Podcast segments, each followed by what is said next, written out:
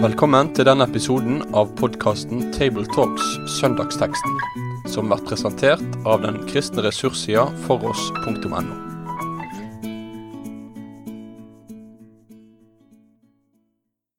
Velkommen til en ny episode i Tabletalks. Det er gruppa i Rogaland som er samla, og denne søndagen nå, det er tredje søndag i fastetida. Og Bibelteksten vår den er altså henta fra Lukasevangeliet. Gruppa vår den består av Sofie Braut, av Øyvind Solheim og Jan Helge Aarseth. Og Teksten vår er henta fra Lukasevangeliet kapittel 11 vers 14-28. En gang drev han ut ei vond ånd, som var stum. Og da den vonde ånda hadde faret ut, taler han som hadde vært stum. Folket undra seg. Men noen av dem sa det er ved hjelp av Beelzebul, herskeren over de vonde åndene, at han driver de vonde åndene ut. Andre ville sette han på prøve og kravde et teiken fra himmelen av han. Men Jesus visste hva de tenkte, og sa til dem, Hvert rike som kommer i strid med seg sjøl, blir lagt øyde, og hus på hus raser sammen. Er nå Satan kommet i strid med seg sjøl? Hvordan kan da riket hans bli stående? Det sier da at det er ved Belsebul jeg driver ut de vonde åndene. Men er det ved Belsebul jeg driver de vonde åndene ut? Hvem er det da dykkar egne folk driver ut ånder ved? Derfor skal de dømme dykk. Men er det ved Guds finger jeg driver de vonde åndene ut, ja, da har Guds rike nådd fram til dykk. Når de sterke med våpen i hand vakter gården sin, får det han eig, være i fred. Men kjem det en som er sterkere og vinner over han, da tek denne mannen våpna som den sterke setter si lit til, og deler utbytte. Den som ikke er med meg, er mot meg, og den som ikke samler med meg, han spreier. Når en urein ånd fer ut av et menneske, flakker hun over tørre vidder og leiter etter en hvilestad, men finn ingen. Da sier hun, jeg vil fare attende til huset mitt som jeg flytter ifra. Når hun kommer att, finner hun det feie og pynta. Da fer hun av stad og får med seg sju andre ånder som er verre enn hun sjøl, og de flytter inn og slår seg til der. Og det blir verre for dette mennesket enn det første. Da han sa dette, var det ei kvinne i folkehopen som roper, Selt er det morsliv som bar deg, og brystet som du dia. Men Jesus svarer, sier heller, sæle er de som hører Guds ord og tek vare på det. Far i himmelen, vi ber deg, åpne ordet ditt for oss nå, og la det vi hører bli til velsignelse for oss alle. Overskrifta som er blitt satt på søndagens tekst, det er Jesu makt over ureine ander. Og Vi er nok nå inne i et landskap som er kanskje litt utfordrende for oss i eh, vår vestlige verden, med tanke på den rasjonale tanken vår og med det materialistiske verdenssyn som preges eh, veldig sterkt. Her blir oss eh, med Jesus inn i ei gjerning og ei brytning som oss kommer i sterk berøring med det, den åndelige dimensjonen og det, den åndelige verden som Bibelen fører oss inn i da. Eh, også den eh, brytninga og den kampen som eh, foregår på det åndelige området. Ut ifra denne bibelteksten så har vi i gruppa vår en samtale omkring, og der vi ikke har svar på alle spørsmål. Det tror jeg enkelt og greit vi kan si. Men der vi har lyst til å ta dere med litt inn i noen av disse ordene fra Jesu tjeneste her, som også kan ha noe tilknytning til, til vår virkelighet. Ja, og jeg forstår, jeg har lest at Grunnen til at vi har disse tekstene i fastetiden, er jo fra tidlig kristen tid, hvor uh, dette var en tid hvor uh, dåpskandidater som skulle døpes i, i påsken, de skulle forberedes på at kristenlivet det, det var også en åndskamp. Som også Paulus snakker om i Efeserne 6, hvor altså, vi har ikke kamp mot kjøtt og blod, men mot makten og myndigheten i himmelrommet. Sånn at det at de i det hele tatt er med i denne fastetiden, er for å minne oss på at, at uh, Det er en virkelighet, det er en motstander, og det er noe som vil oss vondt, og som vil splitte og ødelegge og friste oss. Eh, så, så, så vi dras inn i en virkelighet som, som, helt tydelig er en virkelighet hos Jesus og apostlene. Ja, for Bibelens verdensbilde er atskillig videre enn et rent materialistisk eh, verdensbilde, der du bare kan regne med det du kan ta og kjenne på. Her er det altså, eh, slik som Gud i ånd selvsagt, også en, en motstander og en ødelegger, djevelen og hans ånde her. Eh, både med demonene og de, de åndskrefter som rører seg i oss. Og Der lever oss som mennesker da midt i det hele. Eh, Jesus han eh, griper inn, og i sin tjeneste så ser oss også her i fortellinga og mange plasser at han løser mennesket ifra den, vonde makt og den demoniske kraft som kan ligge over en. Og her er det vel en som er besatt av ei vond ånd, står det. Eh, veldig rett fram beskrevet. da. Eh, det er ikke forklart så veldig mye egentlig hva det gir, betyr, utenom at akkurat hos han her så var det en som førte til at han ble stum, eh, uten evne til å kommunisere med andre. Og så blir han løst ifra det og blir i stand til å, å leve som andre mennesker. Han blir på en måte frisk og normal igjen. Ja, her går jo på en måte Lukas veldig sånn rett på, på sak. altså Vi får ikke så mye om bakgrunnen, men, men det etableres liksom med en gang at, at det er Jesus som er herre over denne stumme ånden. Og på den bakgrunnen er det jo en veldig merkelig reaksjon han får av de rundt. Ja, for de uh, sier jo med en gang at dette må være nær sagt svart magi. Altså De henviser til det ved Belsebull, altså djevelen, altså fyrsten for de onde ånder. så så, så de istedenfor å se det som et tegn på at han var Messias, den som var lovt, den som skulle komme, for det var faktisk et av tegnene på Messias skulle komme, at han skulle sette fanger i frihet. Sette, og, og, og dette er jo mennesker som var fanget. Altså, Maria Magdalena er jo den mest kjente, med sju onde ånder og forskjellig.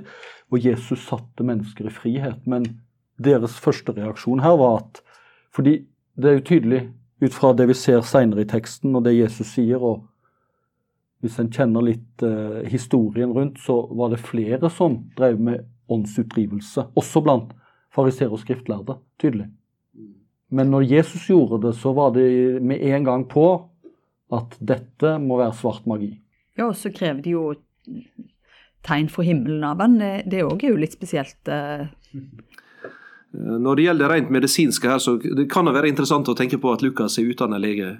Eh, så det er ikke en helt sånn, eh, en sånn uvitende Det er en som har innsikt og, og kunnskap når det gjelder mennesket sin lidelse og ulike ting, da, som, som er samla disse beretningene og skriver her.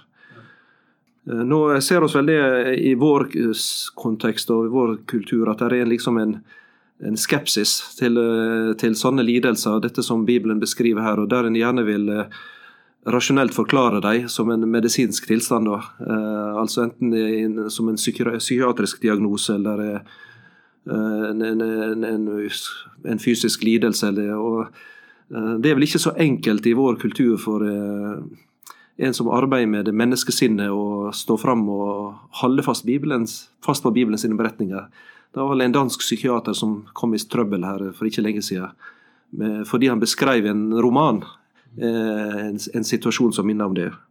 Ja, jeg tror i det hele tatt, altså innenfor psykisk helse så er det veldig lite rom for, altså i vår del av verden, og, og, og, og i det hele tatt trekke inn denne trus- og gudsdimensjonen. Altså, jeg husker det er jo ikke så veldig mange år siden at eh, Pål André Grinderud, f.eks., en kjent norsk forfatter som er opptatt av disse spørsmålene, Eh, at det, det, var ikke noe rom for Gud i, i terapirommet. Eh, og det tror jeg er en ganske presis beskrivelse. Så det er jo det som vi lever i spennet mellom, mellom, på en måte den helt sekulære tanken som på en måte ikke vil høre snakk om åndsvesener eller onde åndsmakter, eh, til de som ikke vil skjelne, som på en måte tilskriver alt til magiske eller ånder eller sånne ting. Det fins jo òg i kulturer i verden i dag. Men som du sa altså hos Lukas, så skildrer han jo både Her var det en stum, som det var tydelig en åndsbesettelse. Mens når Jesus gjør blinde Bartimeus seende, så er det helt tydelig at det er helbredelse. Det er ikke åndsutdrivelse. Sånn at eh, det, det her òg vi som eh, sunne, eh, nøkterne eh, kristne og kristne ledere må lære oss å skjelne. Eh, og, og, og, der kan vi òg lære av psykiatrien. Altså Det handler om å, å, å ta deres kompetanse på alvor òg. Men så må vi òg ta Guds kompetanse så å si på alvor.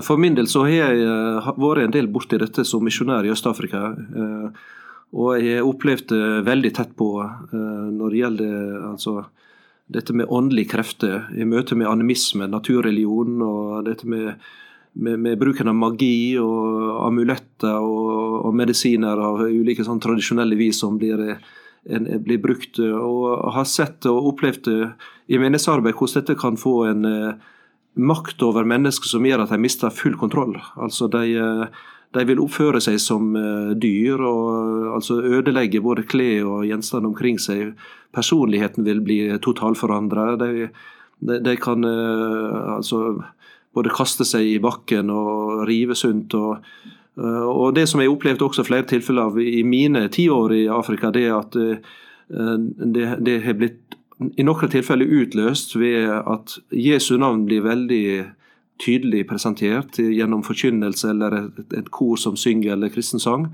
Og så er det enkeltmennesker som får Altså et, noe veldig utslag av det um, Der det mest utbredte i Øst-Afrika, det er nok gjerne knytta til det som har med folkeislam å gjøre. Uh, fordi er en aktiv oppsøkere, det, det som blir kalt for gins, da, altså Har en tro på at uh, i den åndelige verden er det noen slags hjelpere eller noe som kan være til hjelp for å bli rik eller vis eller bli frisk eller og så søker en aktivt åndelige vesener for å prøve å bli velsigna av det. Men det viser seg at det er motsatt. De blir fanga i, i, et bur som de ikke kommer ut av, og blir lukka inn i åndelige krefter som tar full kontroll over personlighet og, og er veldig ødeleggende og nedverdigende for dem. Og, og så har jeg motsatt opplevd eh, eksempel på, sjøl vært en del av det, eh, at bønn i Jesu navn setter et menneske i total frihet. Eh, der Jesu-navnet blir brakt inn og Jesu person blir kobla på, der må disse veldig sånn ødeleggende og nedverdigende kreftene eller, og, og mørket som, og det skremmende i dette faktisk vike plassen, og, og mennesket blir seg sjøl.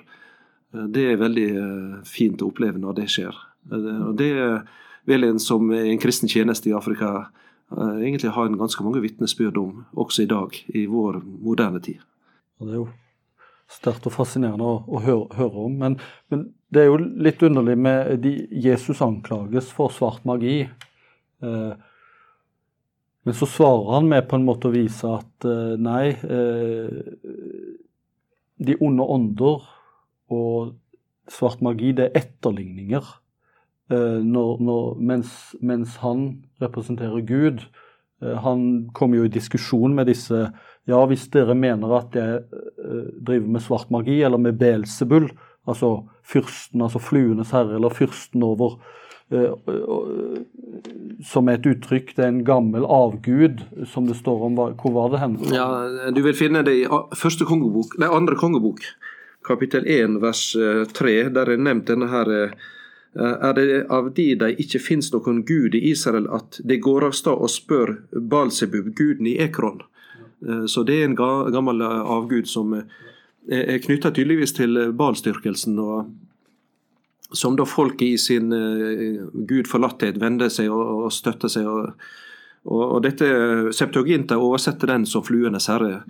Men jeg la også en kommentar at dette ordet blir annet, Jeg tror det er det som Paulus henviser til i Efeserbrevet kapittel 2, der han er, skriver en del om denne åndsdimensjonen i kapittel 6 og dette. Da skriver han i Efeserne 2, vers 2. I disse ferdes det før etter denne versens vis, etter hovdingen over maktene i lufta, den ånda som nå verker i bårna av vantrua. Ja, det er det begrepet som Paulus bruker inn her. Altså Det er det som en slags uh, åndsmakt eller avguderi som er, som er gudforvent og, og demonisk.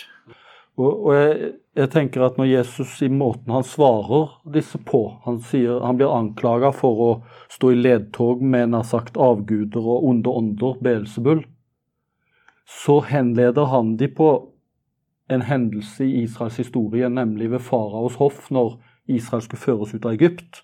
For han snakker om Men hvis det jeg gjør, er ved Guds finger. Og da henter han en uttrykksmåte direkte derfra. Og der var jo noe av poenget at faraos trollmenn og spåmenn de kunne gjøre mye av de samme undrene som Aron og Moses. Så det, det handler om etterligninger når det er snakk om magi og onde ånder. De kan aldri skape noe eller virkelig løse menneskets utfordringer, sykdom, smerte, ondskap. Det er bare etterligninger, etterapinger. Og så kommer det til et punkt der spåmennene ved faraos hoff innser at oi, her er det mer enn etterligninger. Her er det Guds finger, faktisk, står det. Og det spiller Jesus på. Men hvis det jeg gjør, er ved Guds finger, da er Guds rike kommet nær. Og det er ganske sterkt, for han, han tar tak i det at de sier på en måte at du driver svart magi, det som handler om etterligninger, etterapinger av Guds gjerning. Men så sier han, presenterer han så å si at Men jeg kommer med Guds finger, med Guds rike. Men bakgrunnen for anklagen til, mot Jesus eh, er nå at de ikke ville tro.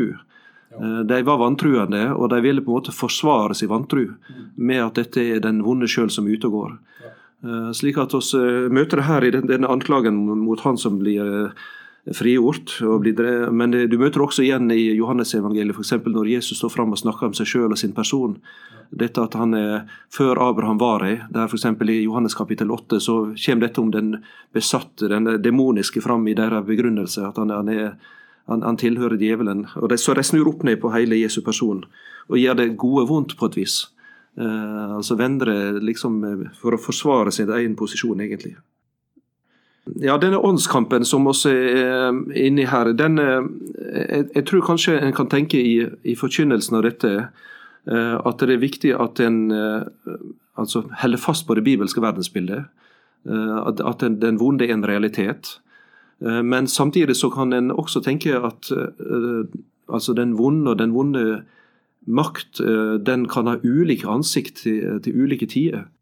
Det tror jeg er enormt viktig, faktisk. For det, det er nok lett i vår eh, veldig materielt orienterte kultur å liksom distansere seg litt fra en sånn tekst så dette er at det blir litt for fjernt på en måte fra hva våre eh, hverdagslige realiteter da skulle seg Eh, ja, noen har erfaringer med seg fra andre land og kulturer, ikke sant, som det du Jan Helge forteller om, men, men, for de fleste så blir det liksom kanskje lett å, å, å ta en sånn tekst så dette litt på en armlengde, og, og kanskje den som iallfall vil forholde seg til Guds ord da, og ta det inn på alvor, bare på en måte se det som en slags billedlig, eh, billedlig tekst, eh, som, jeg, altså som iallfall billedlig sett kan ha verdi for, for oss sjøl. Men, men, det med åndskampen og, og de åndelige realitetene som er her, de, de innbyr jo til et enormt alvor. Til det å ta, til å ta kampen opp og forstå hva det egentlige bildet er. Eh, sånn som Paulus sier, at vi ikke har en kamp mot eh, Eh, altså at kampen er mot makter og myndigheter og mot uh, verdens herskere i himmelrommet. Altså at, at, det er en åndskamp. Kan vi si at uh, onde åndsmakter og djevelen er motebevisste? Som tilpasser seg i nye former. Mm. Som det står om djevelen at han kan gjøre seg om til lysets engel. Så, så, tror jeg kanskje at i vår kultur at, han kanskje, at det antar kanskje litt andre former enn i Øst-Afrika f.eks. Eh, der har de jo gin, som ikke vi ser noe direkte i Bibelen, men allikevel det er en del av det samme virkeligheten? Jeg vet ikke. Jo da, altså jeg opplever sånn som eh, altså, naturreligion eller animismen som et sånn angstunivers. Der eh, mennesket blir holdt nede og, og fanga i, i et slags uh, altså en fryktunivers der du, du, du, dine handlinger er tvangspreget. Du må fordi du vil du lever i frykt for både det mørke og det alt. Eh, mens Jesu undervisning og Jesu gjerning setter oss veldig i fri. Eh, frihet til å være oss sjøl, til å være menneske, eh, og ikke bundet oss opp til en frykt. Og, og Der kan det være den ene fallgruva er altså den materialistiske verdensbildet og rasjonalismen som på en måte bare vil tro det en ser og, og kan kjenne på. Og så er den andre, det, det kan bikke over i en, en, en slags nyåndelighet. Der er du over i magiens verden. Eh, der til og med Jesu navn kan bli brukt som et magisk instrument til å, å styre din vilje og få det du vil. og, og, og Da bikker du over igjen i det gamle hedenskap, faktisk, selv om en bruker Jesu navn i, i dette. Uh, der er en del av trosforkynnelsen og denne her mer herlighetsteologien som har beskrivelse av en virkelighet, en åndsvirkelighet som er helt urealistisk. Der alt blir demoner og altså en form for sykdom. og Er du hissig og sur og er du sint og altså Alle problem blir demonisert og, og, og gjør at til og med en kristen kan være full av demoner som skal drives ut. Men det er et fullstendig feilslått uh, altså vei å gå. Uh, det som Jesu undervisning gir her, det er stor trygghet på at han eier den fulle autoritet, og han har den store trygge som har det siste ordet. Og det er ingen mørke eller makt eller demon som kan på en måte rå med han. Der han går fram, der blir det frihet og trygghet. og Derfor så skal vi holde fast på han og holde oss nær til han. Det er den trygge vei for oss. Og det er han som har de sterke våpnene som Jesus snakker om her, som overvinner de onde åndsmaktene. Så det å følge Jesus, da er du i den trygges følge, den sterkestes følge. Og Det ligger en advarsel i bibelteksten vår i dag, og det er dette med det tomme rom. Det, det, er såkalt den nøytrale holdning, at eh, ja, vi skal være nøytrale i vår kultur og samfunn og alt. Og det er en illusjon, for den vil alltid bli fylt med et eller annet. Ja, det her tror jeg virkelig at denne teksten har, eh, har noen viktige advarsler og, og en realitetsorientering til, til vår, eh, vår, tid og vår kultur, som omgir oss på alle sider. Altså denne tanken om at en kan på en måte ha, ha bare ha et eller annet nøytralt. Eh, tanken om at det, det vonde får ut, ja, så kan, trenger en på en måte ikke være så bevisst på hva, hva tomrommet etter det blir fylt med. Og det, det, det, forteller i alle fall denne teksten, at, at, noe skal inn der, og noe kommer inn der. Eh, og det, det, er det viktig å være bevisst på, og, og her er det her er det jo e, e, Jesu egen lære som advarer mot tanken på at det kan bare stå tomt. Eh, vi trenger ikke fylle det åndelige med noe. Nei, det er jo nærmest en naturlov her. Eh, at, at, noe vil komme inn og ta plassen til det som har, har gått ut. Mm. Så det med å, å be Jesus om å fylle oss, det er jo uendelig viktig, da. Ja, for alternativet er ikke det tomme rom, men det er at det blir fylt av mørke. Og Det ser jeg tror oss i vårt samfunn også. at det, altså sekulariseringa der, der, Gud blir kasta ut og sånn. Det som alternativet som kommer inn, det, det, det, er ikke noe lyst og godt, men det er faktisk eh, en ny angst som kommer over oss. Og noe fornedrende når det gjelder menneskesynet, som, som er med og, og drar oss ned. Eh, I Guds rike så er det helt motsatt. Det, det er menneskets frihet og verdighet som blir løfta. Menneskeverdet blir løfta opp, og det er det evige livet som får blomstre og, og, og gi Eh, kraft i livet. Eh, men Jesus advarer mot dette det tomme rommet, eh, fordi det, det er vondskapen som får råd, der det ikke blir fulgt av, av Guds ånd og Guds ord. Altså Jesus vil komme inn og fylle det med sin trygghet, sin, sitt lys.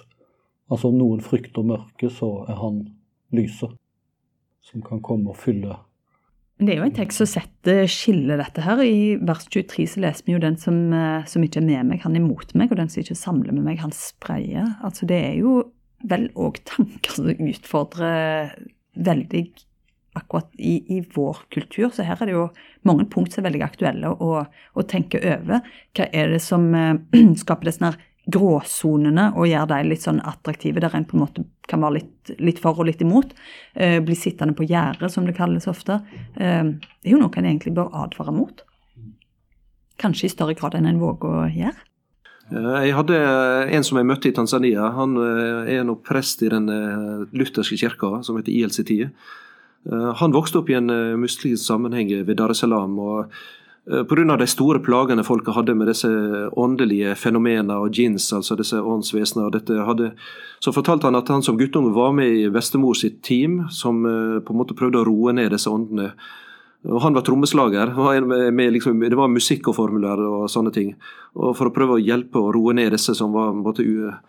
Og Så sa han det at uh, han, de kunne nok roet ned ting, men det var aldri noe som ble hjulpet og satt fri. Men han opplevde da i sin tenåringstid at det var noen som eh, var kristne, som eh, kom med dette og møtte det i Jesu navn med, bønn, og opplevde da full utfrielse. At mennesket ble eh, gjenreist og oppreist til full frihet.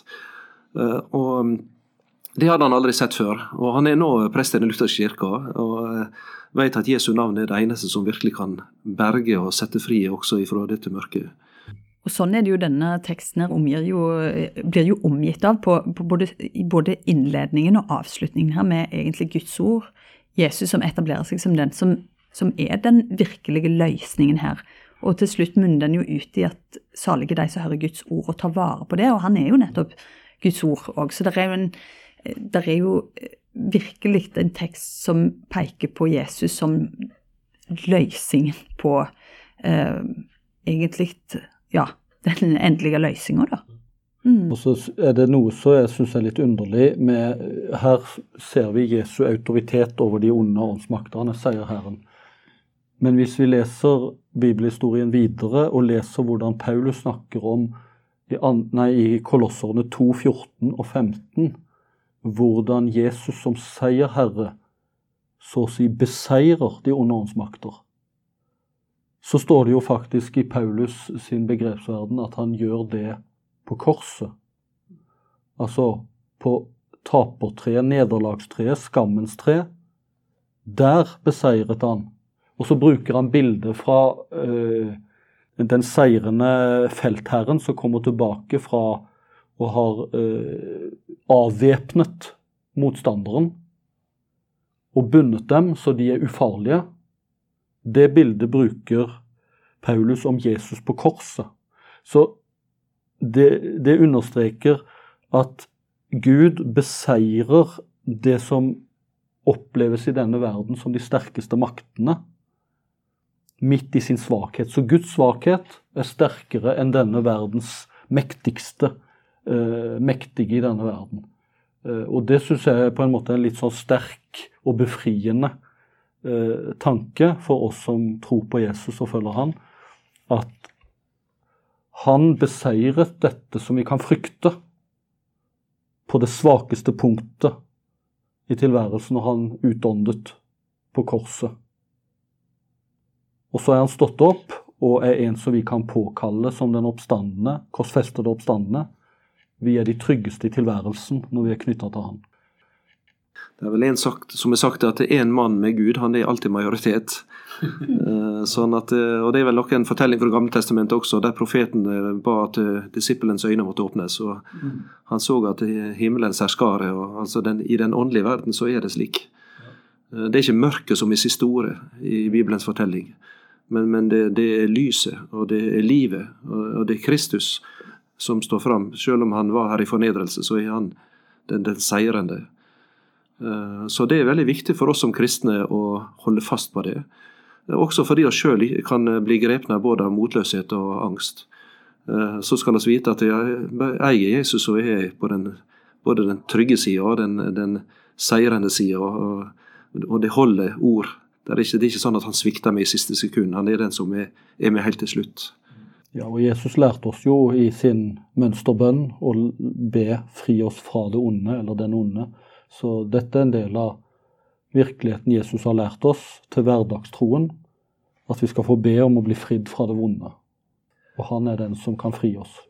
Eh, og kanskje da det siste bibelordet i denne teksten som oss hadde det, at, eh, som oss hørte, sel er den som hører Guds ord og tar vare på det, kan kanskje være den ramma som må se om dette, for her er det åndskampen vår står i dag.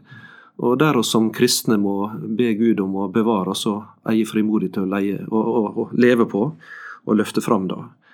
Eh, og den som gjør det, han er sel, sier Jesus. Han er salig eh, og lykkelig. Med det sier vi takk for følget for denne gang. Finn flere ressurser, og vær gjerne med å støtte oss på foross.no.